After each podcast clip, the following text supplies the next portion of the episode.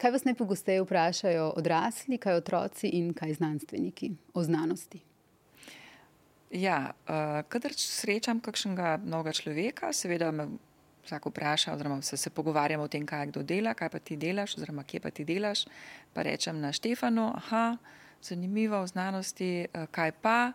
In pol, če rečem, recimo, napred, raziskujem napredne materijale za fuzijo, recimo, uh, se potem pogovor kar konča. Uh, najbrž je tema že v štartu pretežka, sigurno pa tudi jaz napačno reagiram. Eh, no, otroci tipično nič ne vprašajo.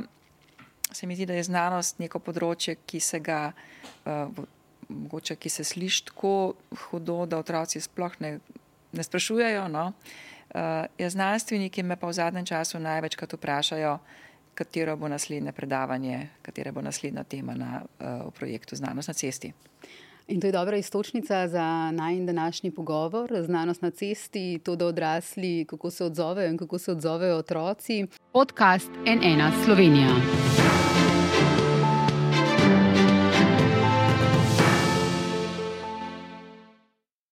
Lepo zdrav tudi gledalkam in gledalcem, poslušalkam in poslušalcem.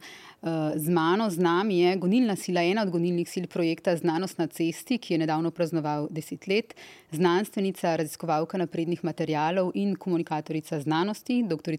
Saša Novak. Eh, ki je pred nekaj tedni dobila tudi častni naziv komunikatorica znanosti, ki se podeljuje vsako leto. Je tudi uh, znanstvena svetnica na inštitutu Jožef Štefan in profesorica na mednarodni podiplomski šoli. Uh, uh, Jožeta Štefana, dobr dan, dobrodošli še enkrat. Dobr dan hvala za vabilo. Uh, torej, znanost na cesti. To je projekt, ki je zdaj star deset let, ki je prisoten, eh, ki ste ga vi nekoč dobro opisali, da je to vabilo k spoznavanju znanstvenih dosežkov slovenskih raziskovalcev, poljuden prikaz domačega znanja, ki se preliva v gospodarstvo, znanje, zdravje in prihodnost. Eh, in tukaj lahko prideva do tega, kar sem vas na začetku vprašala. Ne? Jasno je iz tega, eh, kar počnete v znanosti na cesti, da je znanost nekaj, kar je pomembno za vse pa kljub temu, recimo, taki odzivi ljudi, kot ste jih uh, na začetku opisali. Uh, zakaj? Ja, pred desetimi leti je bila res ena taka kriza. Budžet za znanost je šel strmo dol, mislim, da je bilo 30 ali še celo 40 odstotkov manj sredstev za znanost. Ne govorim o plačah, govorim o sredstvih za raziskave. Uh -huh. Uh, in takrat so raziskovalci resno razmišljali o tem, da bi šli mogoče protestirati na ceste in ob spoznanju, da velika, oziroma vsaj en del javnosti nekako sploh ni razumel problema, o katerem govorimo, se pravi, se jim je zdelo, da se mogoče pa znanosti ne rabimo toliko ali pa ne tako in da lahko pač manj denarja porabimo za to, pa damo budžet za kaj drugega. Uh, takrat se mi je pač zazdel, ja, da bi bilo mogoče dobro stvari razložiti javnosti. Ne? Se pravi, da ni, ni učinkovito sredstvo protest znanstvenikov, bolj učinkovito je, če javnosti razložimo, zakaj pravzaprav uh, znanost potrebujemo, zakaj je koristna. In uh, takrat pojasnili ste to za Slovensko tiskovno agencijo. Um, dejali ste, da takrat, ko se je govorilo o tem krčenju državnih sredstev, uh, ne, da, da vam je nekdo rekel, oziroma da so vam ljudje govorili, da se s tem ni nič narobe, saj bi sredstva lahko preusmerili v kaj bolj koristnega. Dolgoletni prijatelj ste rekli, se mi je zazrl v oči in dejal, Kaj ste pa slovenski znanstveniki sploh naredili? Kaj si pa recimo ti naredila? Sprva sem bila užaljena, to pa ugotovila, da je najbrž krivda, najbrž krivda na moji strani, ker se nikoli nisem potrudila svojim prijateljem razumljivo pojasniti, s čim se v raziskavah ukvarjam. Da najprej pojasniva, s čim se vi ukvarjate v raziskavah. Ne? Vi se torej ukvarjate. Um, Z naprednimi materijali, kot smo prej rekli, um, gre za materijale za najbolj toplotno obremenjene dele bodoče fuzijske elektrarne. Uh, in materijale za uporabo v biomedicini. Uh mhm. -huh. To so v bistvu vse zelo oprijemljive stvari, eh, stvari, na katerih bo slonila, da tako rečem, prihodnost naša, uh -huh. od mhm. katerih bomo mi vsi odvisni. Ne? Če lahko malo bolj pojasnite te, te, te dve stvari. Okay. Bom začela eh, s temo materijali za biomedicino. Ta je pač bolj uh, zanimiva in bolj atraktivna. Tako da, kadar se predstavim nekomu, da rečem, razvijam materijale, ukvarjam se z raziskavami materijalov za biomedicino, za kostne vsadke, takrat se še zgodi, da kdo postavi naslednje vprašanje. A res, za katere pa, kakšne pa, a to za kolke? Ja, uh, skratka, en del raziskav je bil posvečen uh, razvoju materijalov, recimo uh, en, en, en projekt je bil usmerjen v, um, gradient, uh, glavico kolčne proteze, keramično glavico kolčne proteze z gradientno sestavo in strukturo, s tem namenom, da bi, pač bila, da bi se manj obrabljala, hkrati bi bila pa še vedno dovolj trdna in primerna za uh, kolčni sklep. Uh, potem recimo nadaljevanje je bilo v raziskavah spodnega dela eh, eh, kolčnega sklepa oziroma vseh ortopedskih usadkov, ki pač pridajo v kosti in je pač treba narediti dobro povezavo med usadkom in kostjo. Nadaljevali smo pa z raziskavami mehkih materijalov, tukaj smo prišli že kar mal v, organsko, v organske materijale, uh, svila, razni, razne želatine in tako naprej, ki so služile, ki služijo kot podlaga uh, matičnim celicam. Uh, namen je pa, da bi se materijali, uh, da bi materijali nudili dobro oporo cel, matičnim celicam, iz katerih bi, bi, bi razvili um, kostno tkivo. Uh mhm. -huh. No, ta del uh, verjetno ljudje bolj čutimo, zato ker se nam zdi vse, sem bliže nam je, ker se, se nam lahko zgodi kaj, da bi mogoče rabili kakšen uh, uh, usadek ali kaj tasga. In vsi poznamo koga, ki je recimo imel zamenjan kolk. Ja, pa ne, ne vemo, kaj nas čaka uh -huh. v mhm. prihodnosti, zato je verjetno to pač. Um, Kaj se jim lažje razumeti, in je bolj zanimivo. Uh, Kadar pa začnem jaz s tem, da, razis, da raziskujem materijale za fuzijski reaktor, je pa to mal teže, že zaradi tega, ker je fuzija nekaj, kar na mojo žalost še vedno zelo malo ljudi ve za uh, raziskave na tem področju, se pravi za bodoče fuzijske elektrarne oziroma za napore, ki grejo v to smer. Kljub temu, da se že od leta 2005, mislim, da trudimo uh, v Slovenski fuzijski asociaciji razlagati, uh, spravljati v medije čim več okrog tega. Ja, no, tam gre pa za materijale, ki so izpostavljeni zelo visokim temperaturam. Zdaj, če plastično opišem, to je približno tako, kot če bi hoteli na tako mehko sonce z vso njegovo vročino, pa še mal bolj vroče, spraviti v eno škatlo, se pravi neko komoro, ki bi morala pač to vročino zdržati. Ta zga materijala zaenkrat ne poznamo, oziroma ga najbrž ni. Ne? Uh, sicer ne, ne smemo reči, nikoli ne reče nikoli, no, ampak jaz mislim, da takega materijala v resnici ni. Uh, ampak mi vseeno poskušamo narediti nekaj, kar bi omogočilo čim više temperature. Zdaj, nekje, uh, začeli smo s keramičnimi materijali, ki bi zdržali recimo 1400 stopinj Celzija, uh, zdaj raziskujemo oziroma razvijamo materijale na osnovi Wolframa. Uh, to je material, ki ima sicer strašno visoko telišče, ampak stelice sploh ne sme mhm. zadeva. Ne? Uh, tudi se ne sme nič poškodovati, struktura krasno mora prevajati to, toploto skozi steno, zato dobimo potem na drugi strani ven toploto za segrevati vodo in dobiti električno energijo, oziroma energijo in potem elektriko na koncu. Uh, skratka, tako, zgodba je sicer komplicirana in daljša, ampak nekje v smislu, se pravi, razvoj materijala, ki bo zdržal ekstremne pogoje v bodočih fuzijskih elektrarnah, ki bodo recimo tam čez 20, 30, 40, 50 let. Dajale čisto energijo. Dajale čisto energijo, dajale poceni energijo, recimo uh mhm. -huh. varno. Uh, ja, upajmo, da se bo to zgodilo, da se bo zgodilo čim prej.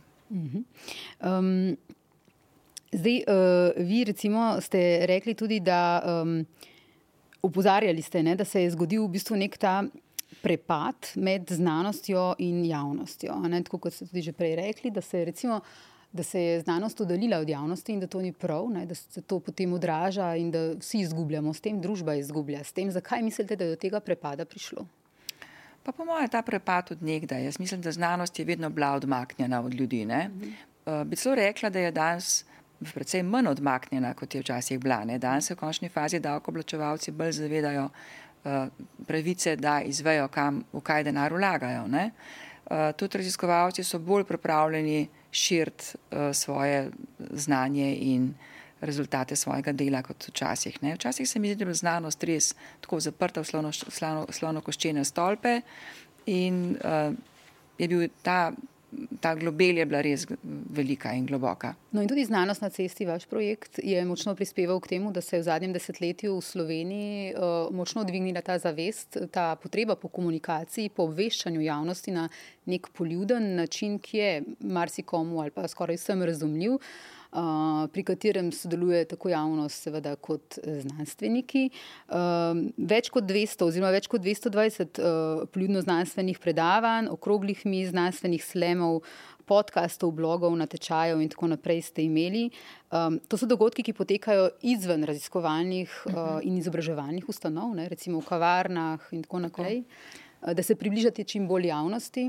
In mnogi od njih so zelo odmevni, oziroma tisti, ki se jih udeležijo, uh, potem govorijo o njih. Uh -huh. uh, katerega bi mogoče vi, ali pa začnimo tukaj. Uh, kaj se zgodi, da na znanstvenem slemu, uh, da na znanstveni slem prispe čovn? ja, to je bila ena taka najbolj opazna uh, zadeva. Čeprav jih je bilo še ne par takih čislušnih, recimo zanimiva je, to je bila, ker se je na slemu pojavilo veliko število lončnic z uh, konoplo. Aha. Tudi ta je bila zelo atraktivna. Aha. Ampak, Najprej, da mogoče uh, gledalkam in gledalcem pojasnimo, znanstveni slem je, ko se v bistvu mhm. -huh. spopadajo znanstveniki, spopadajo na rekovaju. Ja, z izzivom povedati o svoji raziskavi v petih minutah. Čim bolj natančno v petih minutah in zadeva mora biti še vedno znanstvena, vendar zanimiva, atraktivna. In uh, publika potem ocenjuje, te, uh, kako uspešni so raziskovalci bili. V komunikaciji. V komunikaciji. Tako. Se pravi, tipično pri nas v Sloveniji organiziramo slem z tako devetimi, desetimi tekmovalci. Uh, in javnost, polovica, uh, približno polovico glasov da javnost uh, oziroma publika v dvorani, tudi preko spleta. Drugo polovico pa ponavadi, eh, to zdaj že kar nekaj let počnemo, eh, dobimo od novinarjev. Imamo novinarsko eh, komisijo šestih novinarjev z različnih medijev. In oni, njih imenujemo strokovna komisija, zato ker so na en način prevajalci znanosti. Se pravi, novinar je tisti, ki mora razumeti, če je dobro razumel, bo lahko posredoval naprej. Zato oni se mi zdi, da so res en tak ta prav pokazatelj, a je bila stvar dobro povedana. Uh, ja, in to pomeni, da raziskovalci potem poskušajo narediti stvar atraktivno, lahko pr prinesajo seboj pač nek, neko zadevo, s katero ilustrirajo svoje raziskave in lahko imajo tudi tihega pomočnika, se pravi, lahko je nekdo zraven, ampak ne sme govoriti. Mhm. No, in um, profesor Andrej Šmuc z Geološke fakultete je kakšne tri leta nazaj prinesel seboj uh, čovn, napihljiv čovn, uh, ki je bil del zgodbe o raziskavah uh, sestave morsk, uh, jezerskega dna v, na Triljavskih jezerih. In pač povedal je zgodbo, kako, se, kako je nahecal prijatelje, da so nesli tišča v gor, če so hoteli do sredine jezera priti, da so vzeli vzorc v jezeru, so pač morali čovn gor spraviti in na ramah so ga odnesli uh, do dvojnega jezera, mislim. Ja, in ta čovn je potem prinesel sabo in mislim, da je bil ta en tak zelo uh, atraktiven eksponat. Zgodba, s, zgodba z lončki, s konopljo pa? S konopljo seveda je pa čisto preprosto. Ne? Konoplja je pač atraktivna, vsi so potem takoj, ko so jo videli, ne ugibali a je to zdaj tista konopla. Mhm. No, ampak zgodba je bila ravno o tem, ne, da sta pač dve sorodnici, ne, ena je industrijska, ena je pa tista, ta druga. Ne. Ampak bilo je pa zelo atraktivno in uh, vsi so potem hodili, ne, alah, mal vzamem. Včasih na koncu, recimo enkrat smo imeli predavanje o uh, krompirju uh, in so se pa, mislim, da o krompirju vrste Igor, ki pri nas izumira in uh, je predavateljica. Špela, hm, pozabila primek, uh, je prinesla s seboj uh, vzorčke oziroma pač um, sadikce tega krompirja Igor in na koncu je rekla, jo, jaz grem pa zdaj na žur, a lahko kdo tole vzame, da ne bom sabo nosila.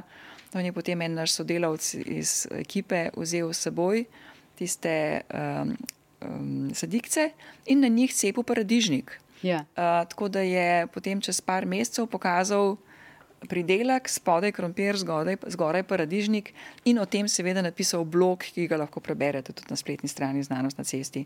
V glavnem take zanimive zgodbe so, ja, ki se odvijajo še potem, ko je uh, zadeva končana. Uh, teme na predavanjih pa zelo različne, ne? od fotovoltaike, umetne inteligence, uh, kako prepoznati demenco, do uh, jedrske fuzije in tako naprej. Ne?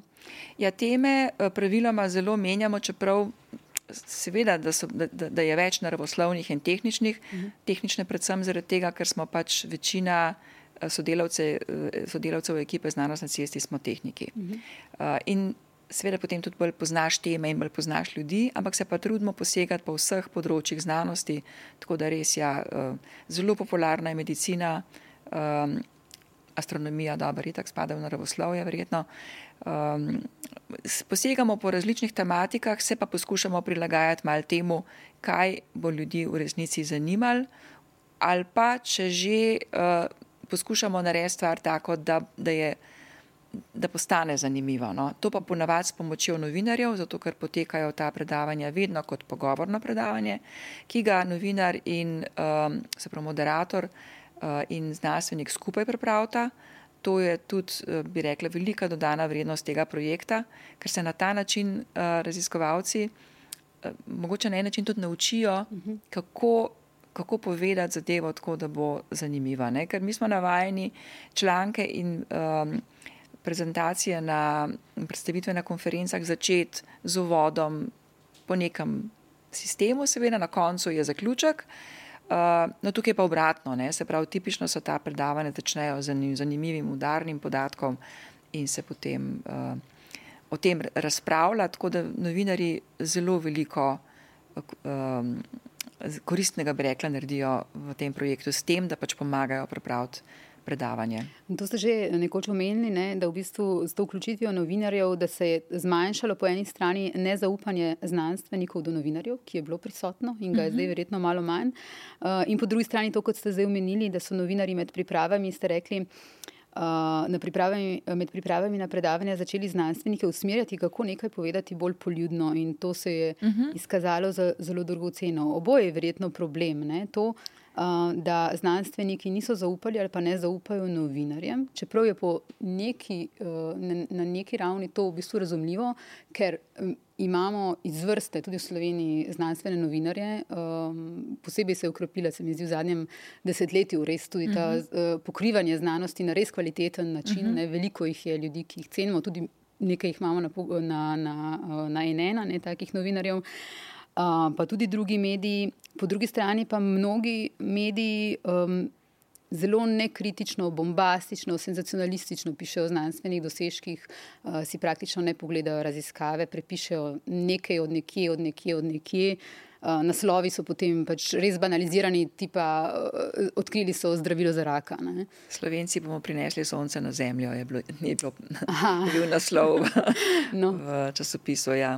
Tako, v bistvu, ste razumeli pol, pol, na, na nek način tudi to nezaupanje uh, znanstvenikov, je na, do, do neke mere razumljivo? Ne, je razumljivo, seveda ne, ampak zdaj, ko stopiš korak nazaj, mm. je vse v takem primeru potrebno razmisliti in narediti spet na tisti korak naprej, se pravi, pridati skupaj. Ne? In jaz mislim, da je bilo tle uh, z obeh strani. Ne? Kot prvo so uh, novinarji dobili mogoče mal boljši dostop uh, do znanstvenikov, znanstveniki so se pa res mal znebili tistega, mal strahu, mal, uh, mal tega nezaupanja. Tako da ja, to, to se je, se mi zdi, precej spremenil in seveda res si domišljamo v ekipi znanosti, da imamo mečken zaslug za to. Uh -huh. Kaj pa ta drugi del, to, ko pravite, da v bistvu se uh, znanstvenice in znanstveniki od novinarjev tudi učijo, na kak način to pripovedovati. Uh mhm. -huh. Zdaj, um, kakšna so mogoče najpogostejša uh, navodila novinarjev znanstvenikom ali pa katera se vam zdi najbolj, glede na to, da vi ste tudi komunikatorka znanosti in znate te stvari zelo dobro v besedi, kaj je recimo nekaj, kar znanstvenici znanstvenicam in znanstvenikom najpogosteje položite na srce, ko govorijo o splošni javnosti? Ja, zdaj, ena od stvari, jaz med drugim predavam tudi komuniciranje znanosti v Sloveniji in zdaj zadnje čase tudi v Italiji. Uh, in vedno študentom predvsem povem, da takrat, ko govorijo uh, javnosti, naj nimajo pred očmi svojih kolegov, raziskovalcev, ampak javnost. Uh mhm. -huh. Se pravi, da se morajo postaviti v kožo lajkov, ne razmišljati o tem, kako bodo kolegi komentirali uh, na kakšen način so kakšno stvar povedali. Ne? Se pravi, to je zelo važno, da imaš pred sabo ciljno publiko, mhm. tisto, ki je. Ne? Uh, mogoče druga taka, druga taka pomembna zadeva je pa seveda ne uporabljati preveč strokovnih izrazov, uh, žargona tega strokovnega. To se mi zdi, da je tudi zelo pomembno. Ampak jaz mislim, da če imaš pred seboj sliko lajčnega poslušalca ali pa gledalca, uh, potem ne uporabljaš takih izrazov. Ne. Recimo ena takih zanimivih vaj je bila lansko leto, oktobra, smo šli z mojo vnukinjo, 15-letno, takrat 15-letno, na univerzo v Novari In uh, tam sem jaz pač posnela par uh, videoklipov za en evropski projekt, v katerem sodelujemo. In sem poskušala prepričati raziskovalko, da bi povedala lajčno. In potem je bilo najbolj preprosto, da sem svojo vnukinjo postavila pred njo in sem rekla, njej razložite. In je bilo kar naenkrat drugače. Se pravi, drugače če, če imaš osebo pred sabo, ki se odziva, ne? če 15-letnica dela grimase, ko nekaj ne razume. In potem ona takoj, popra ona takoj mhm. popravi ne, in razloži, pokaže koleno, ko razlaga o reumatoidnem artritisu. Recimo, uh, ja, se pravi, zelo važno je, da imaš živo pred seboj lajično publiko in potem verjetno znaš drugače povedati. Uh, veliko stoloni na prostovoljcih, ne? V tem projektu? Uh mhm. -huh. Kako se financira v bistvu projekt? Ja, na začetku v bistvu smo gostovali v prostorih, ki smo jih dobili, oziroma še vedno imamo prostore brezplačne. Najprej smo bili v galeriji Kresija na Striterjevi, potem smo bili v kavarni Unijo, zdaj smo v Atriju ZRC. Hkrati tudi recimo smo gostovali v konzorciju, v mestni knjižnici Kran, Izola in tako naprej. Tako da tega stroška nimamo. Financirali smo se pa pretežno preko kakšnih donacij. Uh, pa seveda uh, ekipa je delala prostovoljno in tudi začetka tudi novinarji. Uh -huh. Tle je res velika hvala, bre, zahvala novinarjem, brez tega projekt ne bi zares zaživel. Ne? Uh -huh.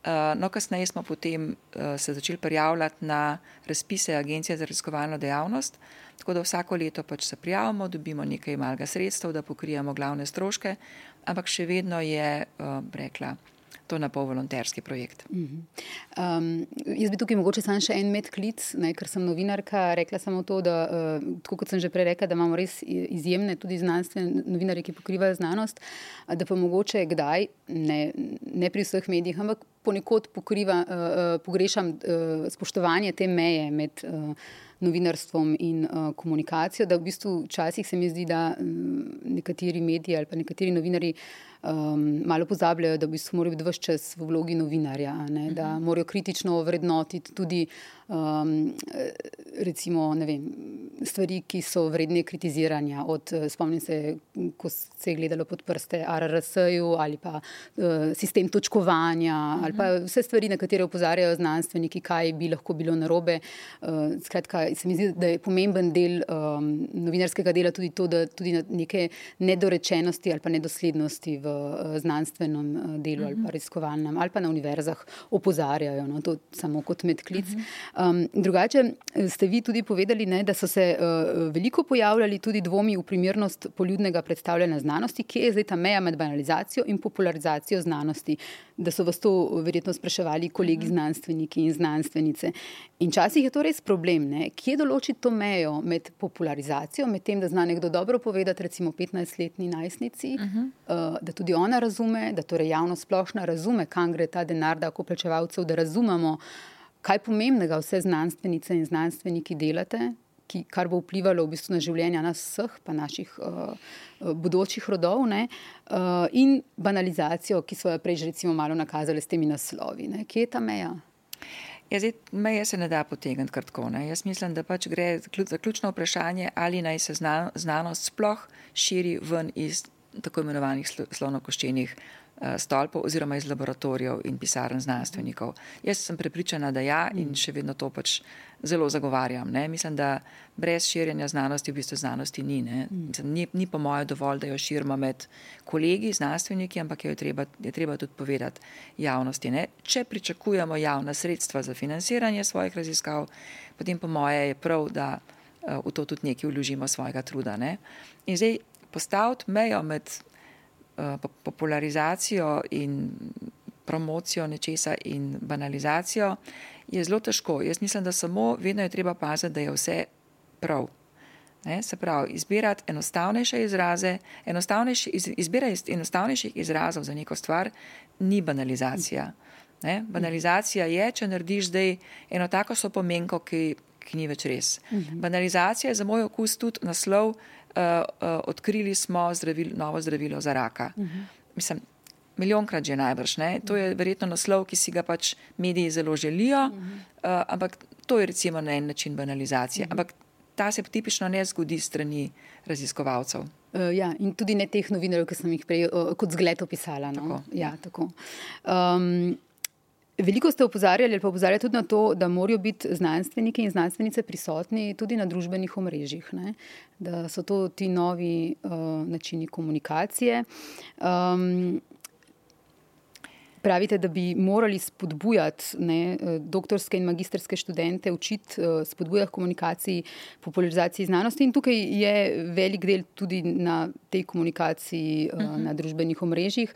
Jaz se spomnim, recimo, kako mi je enkrat žiga zaplotnik. Uh, ko sem ga vprašala, uh, oziroma pohvalila, kako ima voljo, v bistvu občudovanje izrazila, da vsakim klimatoskeptikom mu res razlaga na Twitterju, uh -huh uh, mirno in argumentirano, ne, ko se vidi, da na drugi strani je v bistvu ne samo na razumevanje, ampak tudi nek uh mhm. -huh. totalno čustven odziv na, na v bistvu znanstvena dejstva. Uh, in ko sem jaz izrazila to občudovanje, ne, da se mu da, Eh, vsakemu tako lepo razlagati, je on zelo dobro mi odgovoril, da uh, čuti to nekako kot dožnost, uh -huh. ne? da se je znanost oddaljila od um, ljudi in da vidi to kot dožnost, uh, da ljudem pojasni, da če hočemo doseči ukrepe glede. Uh, podnebja, ne, da, treba, razumeti, da morajo ja. ljudje to razumeti. razumeti ja. Ja. Ja, absolutno se strinjam s tem. Zdaj, mogoče še en tak primer. Ne, ne vem, če poznate um, Jana Malca. Eh, raziskovalca iz inštituta Jožef Štefan, on dela na reaktorskem centru in je zelo prisoten na TikToku in zelo, zelo popularen. Uh, krasen način, da ljudem razložiš stvari in približaš jedrsko energijo, oziroma pač vse, kar je jedrskega. Ne? Mislim, jaz pravim samo bravo. Uh, ja, zdaj z, z temi socialnimi mediji je po mojem mnenju tako. Uh, to so pač novi mediji. Ne? Jaz pravim, imamo tradicionalne medije, pa imamo nove medije, ki so tipična družbena omrežja oziroma socialni, socialni mediji. In to je zdaj približno tako, ne, kot recimo včasih, ali pa televizija ali pa knjiga. Ne. Ti lahko vzameš v roke strip ali pa neko pogrošno literaturo ali pa zelo kvalitetno literaturo in bereš to. Na televiziji lahko gledaš uh, dokumentarca o vesolju, lahko gledaš turške nadaljevanke, vedno je tvoja izbira. Ne? In ravno tako je tudi z televizijo. Lahko preklopim ta program, un program, tretji program, izbira je moja in tudi pri socialnih medijih. Se pravi, jaz recimo na socialnih medijih sem prisotna uh -huh. uh, in v bistvu dobivam dejansko veliko informacij in novic iz spletnih, eh, iz teh socialnih medijev, družbenih omrežij. Zato, ker sem si uh, algoritem že tako spila, da mi daje tisto, kar me zanima. Se pravi, jaz tam berem znanstvene članke tudi. Uh, dobivam resne novice, seveda pa znam zelo dobro ločiti med različnimi veri. Tako da mislim, da je bistveno samo to, da se človek vedno odloči za nek dober ver. Ne? Pa ali je to na televiziji, ali je to na družbenih omrežjih, ali je to knjiga, zelo literatura, karkoli, ampak vedno gre za posameznikovo izbiro, kater del od tega bo vzel. Torej, ne gre za medij kot tak Tako. sam, ne, torej ne gre od kje dobimo, ampak kaj, kaj želimo, kaj, kaj želimo, Tako. da nam v bistvu tudi družbeni. Uh, In znanost zdaj vedno več daje tudi na družbena omrežja, veliko nas je prisotnih. Uh, v končni fazi uh, Facebook je eno en glavnih načinov promocije uh, vseh dogodkov znanosti na cesti. Uh, tako da, ja, jaz mislim, da je prav, da so znanstveniki prisotni tam, zato ker ljudje pač vzamejo tisto, kar je. Uh mhm. -huh. Če nečesa ni, je pa pač nekaj drugega. Bomo imeli pa slabo znanost, ne znanost, oziroma fake news tam. Ne? Tako. In uh, pomen takih projektov, kot je znanost na cesti, ne, je verjetno še toliko večji v tem obdobju, torej fake news, ki ste ga zdaj omenili. Ne. V tem razraščanju v bistvu lažnih novic ali pa polresnic, manipulacij, zavajanja javnosti. Um, mi smo imeli na poglobljeno uh, pred kratkim um, intervju s švedsko profesorico Aso Vikfors, ki se ukvarja uh, z temi alternativnimi dejstvi, tako imenovanimi, ne, um, v postresničnosti dobi in dezinformaciji. Dobi dezinformacij in ona uh, govori, da je izraz, ampak v redu. ja, ona govori o tem, ne, da je za naš čas je značilno, da smo se premaknili iz informacijskega okolja, v katerem smo imeli na voljo omejeno število relativno zanesljivih virov, tako imenovane vratarje. Ki so skrbeli za filtriranje informacij, ko so bile objavljene in so se lahko širile, zdaj v okolje neskončne izbire medijskih virov. In v takem okolju je odgovornost za izbiro virov informacij mnogo bolj prepuščena posamezniku, to, kar ste vi zdaj rekli. Ja, ampak jaz mislim, da pri vseh, vseh vrstah medijev je čisto, medijev je čisto. In zdaj moramo iti en korak naprej. Uh -huh od družbenih omrežij, ne, uh -huh. ki mhm. so bili zdaj vsega krivi. Zdaj bo, kriv, zdaj bo kriva umetna inteligenca. Zdaj okay. imamo umetno inteligenco, ja. zdaj imamo chat GPT. Ja. Se pravi, zdaj jaz vprašam, prej sem vprašala Google. In sem se potem za enega od tistih iz, uh, zadetkov odločila. Ne? Zdaj imam pa če GPT, ki ga vprašam celo vprašanje in nekaj dobim v krasni obliki, zelo lepo napisano, ker to je jezikovni model, res obvlada tekste. Uh mhm. -huh. In dobim en odgovor in ga vzamem kot sveto in mhm. kot, kot resnično. Ne? Jaz sem ga testirala, seveda, vsi smo ga, ne najbrž. Mhm. Jaz sem ga seveda testirala na znanosti na cesti. Mhm. Vprašala sem, če je GPT, kaj je znanost na cesti, kaj je projekt znanost na cesti. In dobila sem, to sem poskušala trikrat, okay. in danes zjutraj sem ponovila vajo. Prvič sem to naredila aprila, ne? ko se je pač pojavil uh, chat GPT, mislim, da štirka ali kako ne.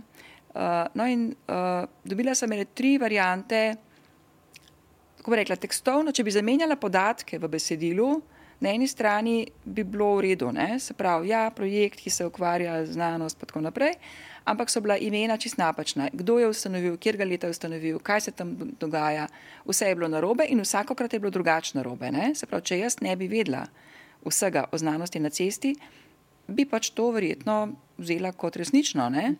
Se pravi, zdaj imamo še te bolj temeljito zavajanje. Ne? No in danes zjutraj sem ponovno vprašala, zato ker se mi je zdelo, da zdaj pa mogoče pa že res lahko veš. Ne? In sem prav napisala vprašanje, eh, kaj ve o projektu Znanost na cesti, eh, ki je bil ustanovljen leta 2013 in potem res začne ja leta 2013 in tako naprej. Je, Uh, uh, društvo DMFA, to je Društvo fizikov, matematikov in astronomov, uh, ustanovilo ne, še vedno je narobe in od okay. tam naprej je vse narobe. Tako da zdaj imamo krasen vir, ne, ki mu bomo pravzaprav še bolj zaupali lahko in dokler se ne bo naučil in ne vemo, kdaj se bo naučil, verjetno bo šlo to zelo hiter, ampak zaenkrat in še mal ne, bo tam krasen vir dezinformacij, ki jih bomo samo copy-paste mhm. predstavili. Mm -hmm. Kako torej? V tem obdobju, v katerem smo, torej ne samo družbenih medijev, fake news, dezinformacij, postresničnosti in uh, umetne halucinacij, halucinacij uh, naj ljudje izbirajo prave vire. Torej, imamo znanstvene novinare, tiste, ki v bistvu uh, prevajajo znanost, kot ste rekli, ne, v nek ta bolj poljuden jezik, imamo znanstvenike in znanstvenice, ki nam to razlagajo. Uh, kaj bi recimo svetovali še nekaj izkušnje javnosti? Jaz sem sicer tle predvsej, tako bi rekla, obupana. Uh mhm. -huh. Skoraj ne verjamem, da je rešitev, zato ker večina nikoli ne bomo, do, do večine nikoli ne bomo dostopili. Uh -huh. uh, ampak mislim, da je edina varijanta, je, da poslušamo iz prve roke. Uh mhm. -huh. Zato pa mislim, da je tukaj vloga znanstvenikov zdaj toliko večja. Se pravi, če vam jaz začnem razlagati o nečem, s čimer se ukvarjam cel življenje, mi boste po vsej verjetnosti lahko verjeli. Uh -huh. Tako da, zdaj, če bo pa vmes en posrednik, ali če je GPT, ali bo to vem, na družbenih omrežjih nekdo tretji napisal, mogoče celo, če bo to na, uh, v nekem časopisu napisan, uh, mogoče bo že mal drugačne. Tako da, jaz mislim, da vloga raziskovalcev je zdaj toliko večja. Uh, se pravi, pridati med ljudi na nek način, zdaj imamo pa res veliko možnosti. Uh mhm. -huh. Zdaj ni več tisto, da moš poklicati novinarja, pa reči, jaz pa nekaj zanimivega vem, ali pa mu pisati, pa se bati, da boš, da boš zavrnjen, ne? Hmm. kar je tipično uh, razlog, zakaj, se, zakaj nismo prihajali do novinarjev. Ne? Ali pa do medijskih hiš, zdaj tega ni več. Zdaj imamo svoje urodja, zdaj imamo socialne medije in lahko tja napišemo vse. Ne? Se pravi, imamo poti do javnosti, izkoristiti jih je treba. Mhm. Kako pogosto pa tisti znanstvenice in znanstveniki, ki jih prosite, da sodelujejo recimo z vami, da javnosti pojasnjujejo recimo na vaših dogodkih, eh, kako pogosto se odzivajo eh, za ja in kako za ne. Ja, to je bilo meni tudi presenečenje. No. Uh, mislim, da, sem, da smo jih povabili do zdaj k sodelovanju tam. Mislim, da tista številka je okrog 220, je število raziskovalcev in mhm. raziskovalk, ki so sodelovali. Uh, v projektu eh, na kakršen koli način, oziroma v predavanji, oziroma na okroglih mizah ali pa na slemih, pa še več. Ja. Uh, in mislim, da sta, kar se tiče predavanja, da sta bila dve. Uh, nista dva odklonila, ampak bi rekla, eden je rekel, nima časa, ena pa uh, tudi nekaj podobnega. Zakaj pa vsi sodelovali. so sodelovali z veseljem, rekli, da z veseljem in uh, vedno po predavanjih potem še malo poklepetamo, da pač slišim uh, odziv novinarja, novinarke in uh, uh, raziskovalce, raziskovalke. In fino mi je, ker rečejo ponavadi raziskovalci, da je bila to zelo dragocena izkušnja. Uh -huh da je bilo fino, da so veseli, da so šli v to in da je zelo dragocena izkušnja, ki jo priporočajo. A se mlajši raziskovalci bolj odločajo za to, za sodelovanje, kot starejši? Ne, razlike, vsi ne, če ste rekli, da so samo dva zavrnjena. Ne, ni razlike. Mislim, da so nekako vsi, tudi starejši, včasih mogoče povejo, da jim je to težko, uh -huh. uh, ampak vsem grejo v to. Uh -huh. Um, vi si želite, da bi se uvedlo izobraževanje na področju komuniciranja znanosti za vse raziskovalce na začetku karijere, torej ne šele potem post uh, in uh, zauzemate se, da bi bil 10. november državni praznik znanosti, seveda ne dela prost dan, ampak državni mhm. praznik znanosti. Kako daleč sta ti dve želji, kako kaže? Zdaj, kar se tiče drž, uh, tega le praznika, nisem prepričana, da ni 23. juni dan, do kdaj traja javna razprava na to temo. Uh mhm. -huh. Tako da mislim, da bomo zelo kratkem najbrž kaj slišali. Uh -huh. Uh, dobro kaže, tako da jaz res mislim, da se bo to zgodilo. Uh, fino bo, ker bo znanost malo bolj izpostavljena. Na ta dan bi potem podeljevali tudi državne nagrade, uh, te Cojzove in Puhove nagrade. Uh, bilo bi več dogodkov, vse je mesec znanosti, že itak imamo oktober in novembra, ampak mislim, da bi bil to res en tak, uh, da, bi bilo, da bi bilo res dober in da bo res dober, če bo uh, praznik znanosti, ker se bomo bolj zavedli pomena znanosti. Um, povedali ste tudi že, da kar vas je presenetilo, je bilo to, da uh, pred korono ne, so bile ti dogodki blazno obiskani, celo uh, vstopnice ste mogli uvesti, ker ja. so pač ljudje, da ne bi ostajali pred zaprtimi vrati. Ne. Uh, da so se mogli prijaviti, ne, uh, oziroma prej napovedati. Ti časi so minili. Ti časi so minili, ker je korona vse spremenila, Tako. ker so dogodki so šli potem na splet. Tako. Šli smo na splet, zato smo, da smo vse nadaljevali z dogodki in nekako smo se na, smo navadili ljudi, da je vse na spletu. Uh mhm. -huh. Dejansko imamo čisto vsa, vse dogodke posnete in arhivirane. Um, tako da zdaj so, zdaj so ljudje res ostali na kavčih. Vse to slišim tudi drugot, uh mhm. -huh. ne samo v Sloveniji, tudi v drugih državah, ne samo v tem projektu, tudi v drugih. Uh, ja, udeležba je zelo slaba, prišli smo do najmanjše številke, en obiskovalec na zelo zanimivem predavanju o fotovoltaiki. Uh, no, ampak zadnjič, ko smo imeli pa okroglo mizo o, z naslovom Pogovoriti se moramo o ChatGPT-ju, uh, je pa bila dvorana do konca polna 160 mhm. ljudi na filozofski mhm. fakulteti, kar pomeni, da če nas pa res zanima, pa mogoče pa vsem pridemo. Ne? Čeprav fotovoltaika je izjemno trenutno zanimiva in aktualna in bo še naslednji let. Zaradi tega, ker smo bili tu ravno v času, ko smo vsi nekako debatirali o tem, ali bi dal na streho tisto fotovoltaiko je. ali ne, pa kera je boljša. Imeli smo največjega strokovnjaka za fotovoltaiko, uh, ampak ne. Mhm. Um, ali v luči tega, kar ste zdaj opisali, torej to, da so ljudje ostali na kavčih, uh, kot pravite, da bi se spremljali rajši preko povezave, uh, preko interneta, uh, načrtujete kakšne spremembe glede znanosti na cesti? Ja, zdaj nekako smo si zadali teh deset let, nekako bom rekla, sfurat ne? uh mhm. -huh. in potem narediti uh, premislek. Uh, ekipa je relativno šipka, ne samo finančno, ampak tudi tako kadrovsko. Um, vsi moji kolegi, vsi so tako, bom rekla, pa mlajši od mene, so zelo, seveda, na polno v svojih karierah, družinah in tako naprej, tako da so tudi zelo zaposleni. -hmm. In te stvari, ki so, smo, ki so se zelo razmahnile, zelo velike aktivnosti imamo, tudi zelo veliki dej imamo, tako da tudi za naprej imamo veliki dej. No? Ampak, če ne bomo dobili uh, kakšne pomoči, se pravi, iščemo zdaj tudi uh, sodelavce če ne bomo dobili pomoči in, in ustrezne finančne podpore, da bomo to lahko sfinancirali, potem bo potreben pač razmislek. Se pravi, na en način bomo naredili nek, končno naredili nek poslovni načrt, ki ga nikoli seveda nismo, ker smo, bili, ker smo šli pač plavati v bazen, ne, da bi vedela, je voda noter ali ne. Mhm. In potem smo pač plavali. Ne. Zdaj pa je mogoče čas. Eh, mislim, da je projekt prerastel v nekaj, kar je nekaj vredno, kar mislim, da ima zelo velik potencial. In če nima še danih možnosti, potem pač bomo videli, kaj se bo zgodilo. Za leto ste torej dobili nagrado za komunikatorico znanosti. Mm, to je naziv, ki se ga od leta 2013 podeljuje Slovenska znanstvena fundacija. Vi ste ga dobili in v obrazložitvi med drugim piše, da gre za projekt, v okviru katerega raziskovalci že deset let nastopajo pred splošno javnostjo, o čemer smo govorili.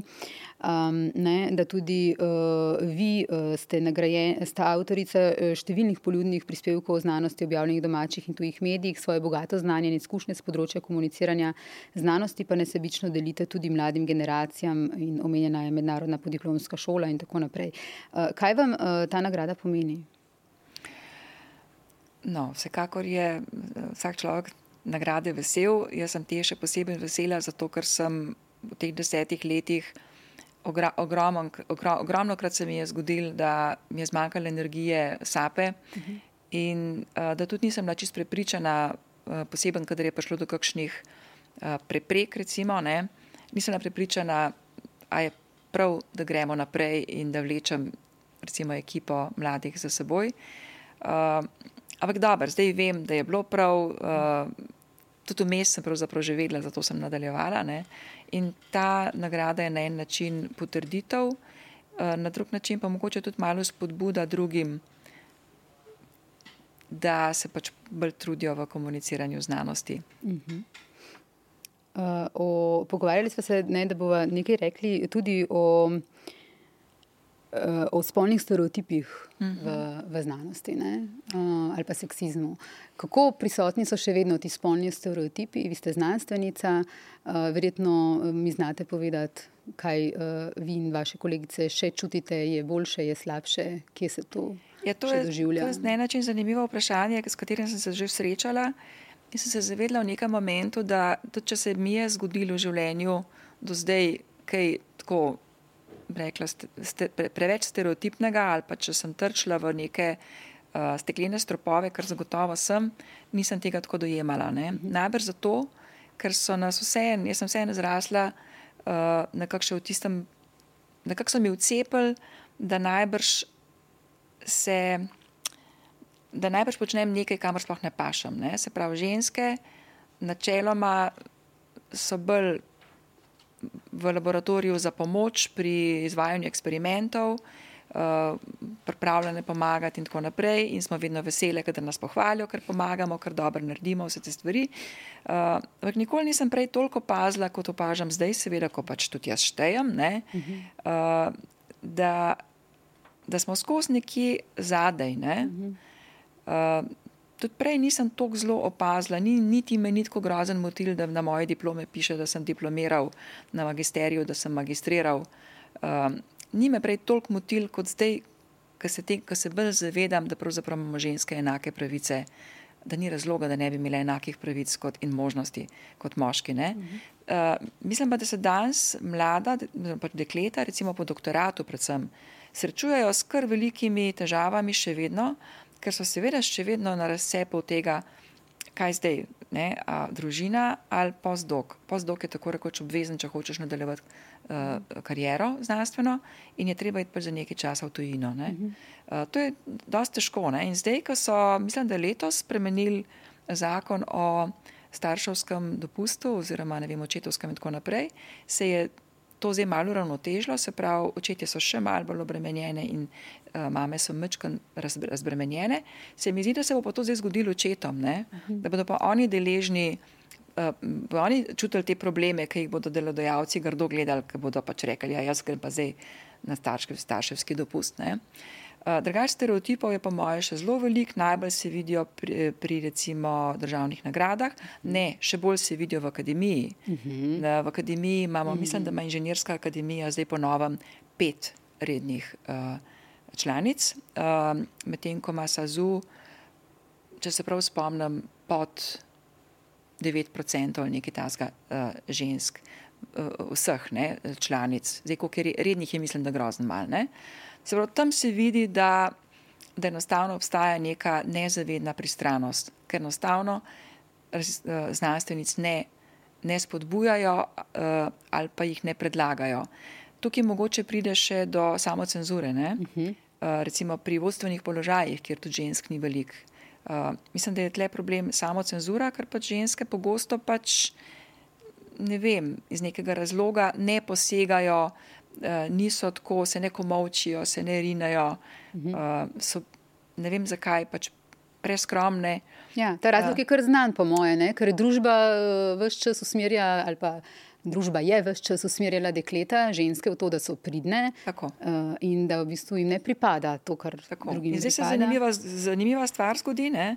ker je zdaj zadnje čase pa več doktoric znanost, znanosti, kot, kot je doktorjev. Tako. In potem, to, ko pogledaš nazaj, zakaj, uh mhm. -huh. je to zaradi tega, ker imamo pač te kriterije vstopa v srednjo šolo, v, na fakulteto in tako naprej po pridnosti uh mhm. -huh. pri učenju in ker so pač dekleta bolj pridna za učenje, kar pač so. Ne? jih tudi na koncu več doktorira. In bomo videli, kaj se bo zgodilo. Škarje pa verjetno še vedno obstajajo. Če bo, če bo temu, da je zdaj več doktoric kot doktorjev, sledilo Ali tudi bo... to, da bo več nagrad, več tako. na vodilnih mestih in tako naprej, in kar bi bilo logično. Akademki, tako, primer, tako. Kot ste nekoč lepo rekli, ne, uh, mislim, da ste to rekli za časnik delo, ženske verjetno večinoma manj agresivno branimo svoje pozicije. Mhm. Cepili so nam namreč, da se usiljuj, kot da se usiljujemo v svet, ki nam ni namenjen, čeprav ja. nam je namenjen natanko enako kot moškim. Ja. Ja. Samo treba se tega zavedati, nekdo vam mora to na glas povedati, da ti rečeš, hm, ampak res. Uh -huh. um, Znanstvena poštenost. Kako pomembna je uh, znanstvena poštenost tudi pri komuniciranju znanosti? V smislu, verjetno je to tudi en del te odgovornosti do javnosti, ne, notranje javnosti oziroma znanstvene javnosti in splošne, uh, da so znanstveniki pri uh, svojem delu pošteni, pri objavah pošteni. Koliko se o tem uh, v znanstveni skupnosti pogovarjate? Poštenost je pomembna na vseh področjih uh mhm. -huh. življenja nič bolj ni poštenost uh, pomembna v znanosti, kot je recimo v gospodarstvu, v politiki, v medijih ali pa v vsakdanjem življenju. Uh, bi pa rekla, da, je, da je nepoštenosti v znanosti zagotovo manj, kot jo je v gospodarstvu, politiki in tako naprej. Uh, je pomembna, se ukvarjamo s tem. Je pa k sreči v znanosti nekako samodejno vcepljen en mehanizem avtomatskega izključevanja gnilih jabolk. Jaz mislim, da v veliki večini, ne bom rekla od danes na jutr, ampak da v veliki večini znanost sama izloči gnila jabolka. Mhm. Eh, nedavno smo imeli tudi na eh, naši rubriki Poglobljeno. Eh, Lea Udovč, naša kolegica nekdanja, je imela intervju z Elizabeth Bik. Ona je nizozemska mikrobiologinja. Pred kratkim je govorila tudi za slovensko javnost na enem dogodku, no takrat je pa za nas dala intervju. Ona je znana po teh svojih nevrednih sposobnostih zaznavanja napak v raziskovalnih člankih uh mhm. -huh. in se ukvarja v bistvu s tem, tudi s plagiatorstvom, prepisovanjem se to zraven pride. Ja. Um, tako da, uh, če vas prav razumem, skratka, to izločanje gnilih jabolk, ko se dogaja znotraj znanosti, čim bolj se dogaja, tem bolj lahko znanosti torej zaupamo. Ne? Mislim, znanosti v načelu ni treba nič manj zaupati za to, če je. Če Elizabeth Bik in, in njej podobni najdejo, ali pa mogoče sploh ne najdejo nekih uh, ali napak, ali pa goljufij. Uh, jaz samo hočem reči, uh, znanost ni nič bolj in nič manj zavezana poštenosti kot katero koli drugo področje življenja. Mhm. Uh, zdaj pa mogoče še vse omenim, zakaj se mi zdi, da obstaja sploh nepoštenost v znanosti. Zato, ker za razliko od gospodarstva, recimo, jaz, pred, tako kot jaz to razumem, gre za denar. Mhm. V znanosti ne gre za to, da bo raziskovalec ali pa raziskovalka profitiral finančno, ne?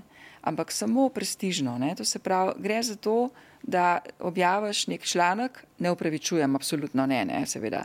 Uh, objaviš nek članek, kamor si dal uh, dve enaki sliki, recimo to, kar najde Elizabeth Bick, na primer, pogosto, ne? ali pa pač neke fake slike, v glavnem neke, neke napačne rezultate, nekaj, če se mogoče sploh nisi naredil. Ne? Ampak kaj iz tega dobiš? Uh, več pri nas, več točk na agenciji in s tem nov projekt. Zaradi česar ne boš dobil nič več denarja, plača taka, kot je, je v Sloveniji, Eh, ne vem kako je drugot. Eh, se pravi, gre za prestiž. In zato je tudi po mojem manj vzvoda, kot je na drugih področjih. Zato je tudi po mojem manj nepoštenosti v znanosti, ker ne gre za tist, kar je sveta vladar, to je denar. Mm -hmm.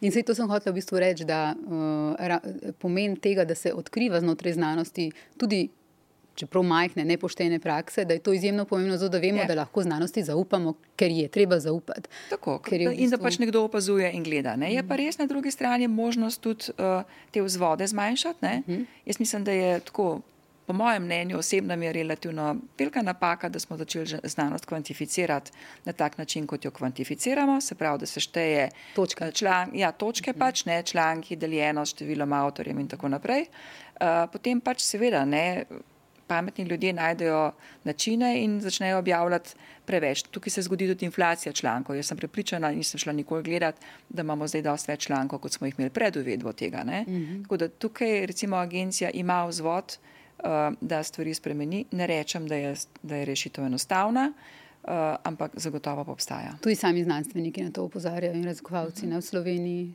so že večkrat opozorili. Uh, če mogoče potegneva uh, črto pod današnji pogovor, kako bi po vsem tem, kar smo rekli, povedali nekomu, 15-letnici ali pa še mlajšemu ali starejšemu, zakaj je znanost tako zelo pomembna? Aha, treba se je samo ozreti okrog sebe in mhm. pogledati, kaj je sproducirala znanost. Ne? Ali pa kaj si želiš, da bi. Ali bi si recimo želel uh, telefon, ki bi, ki bi imel baterijo, ki bi zdržala bistveno dlje, kot zdrži danes, po moje bi. Mhm. To si, to si vsak najstnik danes najbolj želi, ne? da ne bi, treba, da ne bi bil odvisen od, od te baterije. Uh, ali pa mogoče bolj zmogljiv telefon. Ali pa naprimer starejši, kaj vem, cepivo proti raku, naprimer, zdaj sem brala, pred kratkim se je pojavila ena študija, oziroma rezultati neke študije, ki so zelo spodbudni. Ma, kdo, mi, kdo mi upa reči, da si ne želimo vsi po spisku, da bi da bi ta zdravila ali pa recimo cepiva proti raku res čim hitreje izumili in, uh, in jih uvedli, ali pa recimo vem, proti, uh, proti demenciji ali pa mm. kaj se jim. Cel kup stvari je, ki jih v bistvu rabimo in želimo iti proti njim. Ne? In zdaj, da dosežemo te preboje, je pa seveda potrebne ogromne ene temeljne znanosti. Se pravi, mi moramo najprej svet razumeti, kako deluje, zakonitosti razumeti, In ko poznamo, šele ko poznamo zakonitosti, lahko začnemo razvijati ene produkte, ki jih imamo zdaj tle okrog sebe, vse posodne. Zato znanost sama po sebi, se pravi ne razvoj, ampak znanost, ona temeljna znanost, je nujno potrebna, ker brez nje ni potem nobenega razvoja naprej. Hvala lepa za pogovor, uspešno delo še naprej. Hvala lepa. In upam, da še kdaj v kakšnem našem članku. Hvala. Hvala lepa tudi gledalkam in gledalcem, poslušalcem eh, in poslušalkam. To je bil še en, en, ena podcast, kmalo se spet vidimo. thank you